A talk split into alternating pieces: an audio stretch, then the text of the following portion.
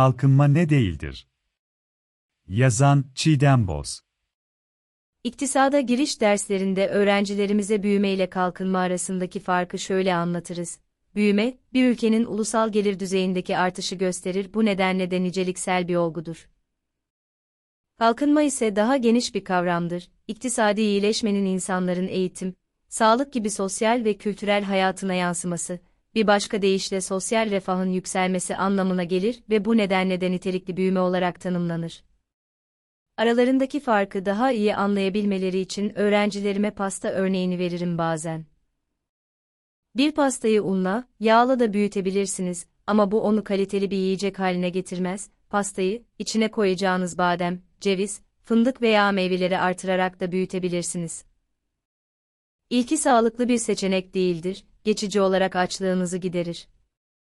Lisansüstü eğitimde bu ikisi arasındaki fark daha da belirginleşir ve iktisatçı namzedinin gözünde büyüme ortodoks, anaokul, iktisatla özdeşleşirken, kalkınma heterodoks iktisadın önemsediği bir konu olarak öne çıkar. Hatta benim kadar şanslıysanız doktora eğitimi sırasında Amartya Sen diye biriyle tanışırsınız ve özgürlüklerle kalkınma arasındaki ilişkiyi anlarsınız. Burada söz konusu olan özgürlükler neleri yapabileceğinizi gösteren pozitif özgürlüklerdir.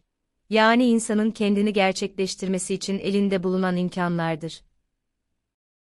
İktisat disiplininden uzak çoğu insanın gözünde büyüme ile kalkınma arasındaki fark daha mulak olduğu için siyasetçi bu boşluğu gayet iyi kullanarak kalkınmayı çoğu zaman büyüme anlamında kullanır ve buna itiraz edenlere de sen zenginliğe mi karşısın derler. Bu yazı vesilesiyle öncelikle neye karşı olduğumuzu söyleyelim. Zenginliğe değil zenginliğin bir avuç insanın elinde toplanmasına, büyümenin kalkınmaya tercih edilmesine, büyümenin anahtarının verimlilik, etkinlik olarak görülmesine ve bu verimlilik denen şeyin de salt patronların gözünden görülmesine karşıyız.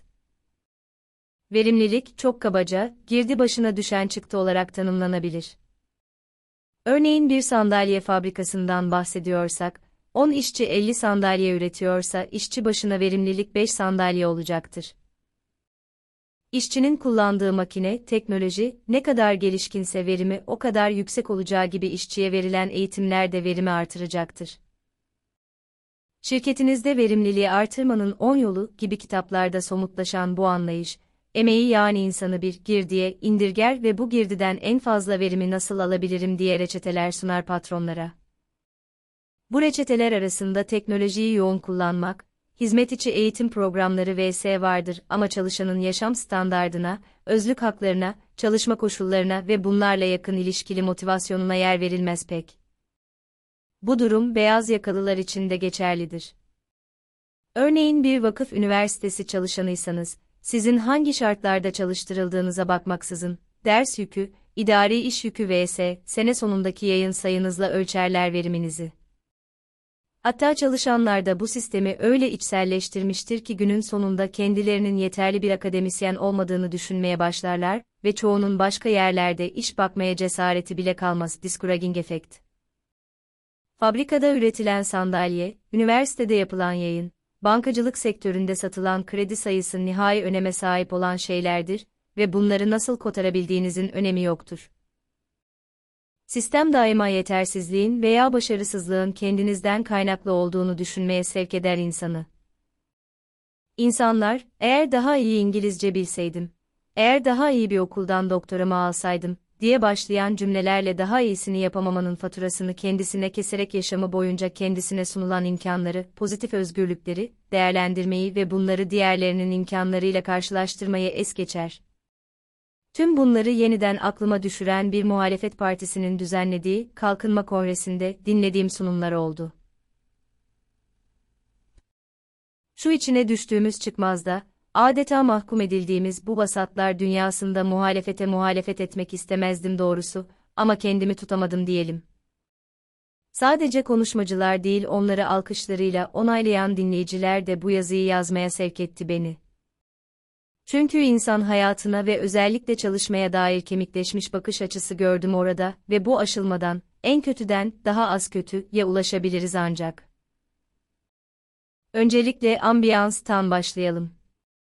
Kalkınma denince benim aklıma yoksullukla ve yoksunlukla mücadele, fırsat eşitliği, toplumdaki dezavantajlı kesimlerin lehine olacak düzenlemeler gelir.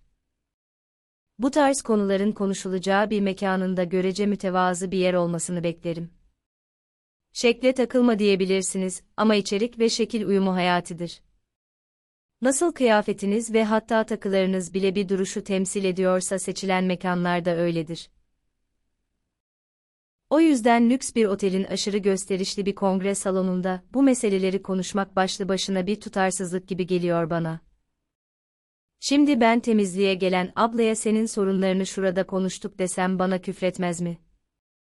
İkincisi, çeyrek lahananın 10 Türk lirası olduğu bir zamanda öyle bir mekanı kiralama bedelini tahmin bile edemiyorum. Bir siyasi partinin kampanyasını yürütmesinin başlıca iki finansman kaynağı, değirmenin suyunun kaynağı, vardır. Hazine yardımı veya iş dünyası. Yani ya halk olarak vergilerimizle biz finanse ediyoruzdur ya da o partiyi destekleyerek geleceğe yatırım yapan iş insanları. İkisi de berbat seçenekler ve aslında ikisinde de finansör halktır. İlkinde mevcut ödediğimiz vergiler, ikincisinde gelecekte ödeyeceğimiz vergiler söz konusudur. Hiçbir iş insanı gelecekte daha fazla vergi vermesini şart koşacak bir partiye destek olmaz. İş dünyasının mottosu bellidir. Daha çok teşvik daha az vergi. Tam da bu son nokta ile ilgili olarak kongrede gördüğüm başka bir tutarsızlık, devletin ekonomideki rolüyle ilgiliydi. Bir yandan ilerlemenin özel sektör liderliğinde sağlanacağı söylenirken, diğer yandan da marka şirketler, özellikle kimya sektörü konuşuldu. Çıkaramayışımızın nedeni devlet teşviklerinin az olmasına bağlandı. Aslında çok alışık olduğumuz bu argümana göre özel sektör özetle diyor ki devlet arkamızı pişpişlesin, bize ayak kaldırsın ama sonrasına karışmasın. İşin ironik yanı, devlet sevgisi ile tanınan bir parti bu. Gelelim kongrenin özellikle üstünde durduğu yeni çalışma trendlerine.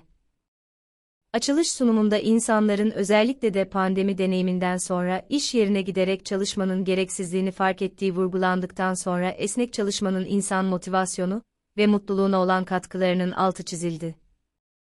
Dişlerimin gıcırdama sesi duyuluyor mu bilmem ama pandemi deneyimini konuşacaksak öncelikle o iki yıllık sürecin mevcut eşitsizlikleri nasıl da gün yüzüne çıkardığıyla başlamamız gerekmez mi? Kimin hayatı evine sığdı kimlerin sığamadı? Sonra her krizi fırsata çevirmenin yollarını bulan kapitalist zihniyete getirmeliyiz konuyu. Bir kere esnek çalışma modeli pandemiden çok önce gündeme gelen ve özünde çalışanı maksimum düzeyde nasıl sömürürüm üzerine kurulu bir mekanizma. Pandemiyle esas gündeme gelen konu ise iş yerine getirmeden çalıştırma modeli. Temel argümanları çalışanlarımızı trafik stresinden, yol yorgunluğundan koruyarak onların daha mutlu dolayısıyla verimli olmasını sağlayabiliriz şeklinde özetlenebilir. Patronlar daha az elektrik, su, internet, kira ödemenin ve günün her saatinde çalışanına ulaşma kolaylığını insan mutluluğu ambalajına sarıp önümüze koyuyorlar. Gömleğimin altında pijama olması akşamın bir saatinde Zoom toplantısına çağrılmamı telafi edecek bir rahatlık değil ki. Aslında olan biten zamanında ticarileşmesidir. İş yerindeki sömürü en azından mesai saatleriyle kısıtlıyken, evden çalışma modelinde hemen hemen günün her saatini işine vakfetmen beklenir. Verimlilik artar mı artar? Keşke bununla kalsa ama dahası var. Panelistler arasında bulunan bir iş insanı, iş yerine gitmek istemeyen insanları daha mutlu ve verimli kılacak, inovative fikirlerini paylaştı dinleyicilerle. Gezi direnişine dek inovative fikirlerini AVM tasarlamakla, Barko vizyona yansıtılan kısa özgeçmişine göre memlekette kurulan çoğu AVM'nin konsept geliştiricisiymiş. Hayata geçirmiş olan bu bey, Gezi ile AVM'ler tukaka edilince farklı konseptler geliştirmeye yönelmiş. Şöyle ki, iş hayatında yaşanan dönüşüm ve yeni gelişmeler, ortak çalışma alanı konseptini, sanal ofis ve hazır ofis gibi hibrit ofis anlayışını gerekli kıldığından şehrin çevresine böyle mekanlar inşa etmeye karar vermiş. Bunun insanları ne kadar mutlu ve verimli kılacağından dem vururken gözlerim yaşardı. Efendim, çalışanlar bir yandan şehrin kalabalık iş merkezlerine gitmekten kurtulmak istiyorlar, ancak evde de gerekli motivasyonu sağlayamıyorlarmış. bu insanlar için neler yapılabilirmiş falan, yani çalışanlara diyor ki gelin size ofis kiralayalım. Kütüphane kurun o zaman. Bunu muhtemelen son bir yıldır ev kirasını bile ödeyemeyenlere söylemiyordur. Ama kalkınma, başlıklı bir kongrede bu fikrin pazarlanması abesle iştigaldir. Hele hele şehrin dışında doğayla iç içe yapacakları bu çalışma ortamlarının zamanla sağlık turizmine de katkı sağlayabileceği öngörüsü ayrıca takdire şayandı. Bir kere iklim ve çevre sorunlarına dikkat çeken, iktidarın inşaatla büyüme politikasını eleştiren bir siyasi partinin yeni mekanlar inşasına sıcak bakmaması gerekir. İkincisi, metropol yaşamının getirdiği zorluklar aşılmak isteniyorsa, bunun çözümü o şehrin nasıl bir metropol haline getirildiğine odaklanmaktan ve üretimin farklı şehirlere dengeli bir şekilde yayılmasını sağlayacak iktisadi politikalara eğilmekten geçer.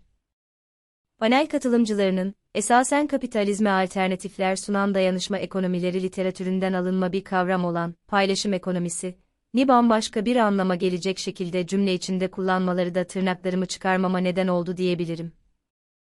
Bu tarz toplantıların olmazsa olmazı inovasyon, girişimcilik, sakızları da bolca çiğnendikten sonra üyelerinin ve genel başkanlarının partilerini bir startup olarak nitelediklerini öğrendik.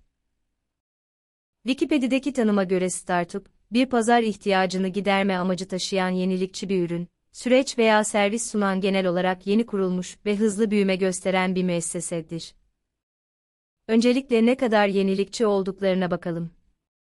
Sunumların kompozisyonundan anladığımız kadarıyla anlatılmak istenen şuydu. Hem büyümeyi sağlamak, büyürken enflasyonu düşürmek hem de cari dengeyi iyileştirmek mümkün ve bunun sihirli anahtarı verimlilik artışı. O zaman verimliliği artıracak şeylere odaklanmalıyız. Esasen beşeri sermayenin yani insan unsurunun üretkenliği anlamına gelen verimliliği artırmak için de yurdu fiber ağlarla örmek, girişimci dostu bir ortam ve mevzuat tasarlamak, devlet teşviklerini artırmak, hibrit çalışma mekanları tasarlamaktan başka politika önerisi göremedim. Avrupa ve Amerika Birleşik Devletleri'nden esinlenilmiş proje ve kurumların isimlerinin yerlileştirilerek sunulmasından başka. Dolayısıyla ortada yeni denebilecek bir şey yok. Partinin hızlı büyümesine gelince, yaklaşık 4 yıldır iliğimizi kurutan ve şiddetini son bir yılda iyice artıran ekonomik kriz ortamında muhalefet partisi büyümeyecekse kim büyüyecek? Haklı olarak, merkeze oynayan bir partiden ne bekliyordun ki sorusu gelebilir. Hayal kırıklığının nedeni bu kongrelerin düzenleyicisi hocamıza verdiğimiz değerden kaynaklı sanırım. Başka bir deyişle, partinin son dönemde transfer ettiği parlak akademisyenlerden kalkınma iktisatçısı hocamızın sosyal refahın arttırılmasına dönük projelerinin yüzü suyu hürmetine bir şans verelim dedik. Hatta hocamızın Aralık ayında düzenlediği Yoksulluk ve Kapsayıcılık Kongresi, sağ tandanslı bir partinin sosyal politikalara bakışının sadakadan öteye taşınabileceğine dair ümit de vermişti. Ancak gördük ki o projeler, bu kongredeki zihniyetle yürütülemez. Bir yanlış bir doğruyu götürür bazen. Hem çalışan milyonları hem de patronları aynı anda mutlu edemezsin. Hem çevreyi koruyayım, hem yeni çalıştır, alanları inşa edeyim diyemezsin ve dahası kentlerimizin AVM mezarlığına çevrilmesinde rol alan birini rol model olarak gösteremezsin. Atamız, ım vizyonunu revize ederek kentli, seküler milliyetçilerin kalbi kazanılabilir elbette. İş dünyasının önceliklerini merkeze koyarak merkezde bir partide olunabilir ama buna kalkınma denilmez.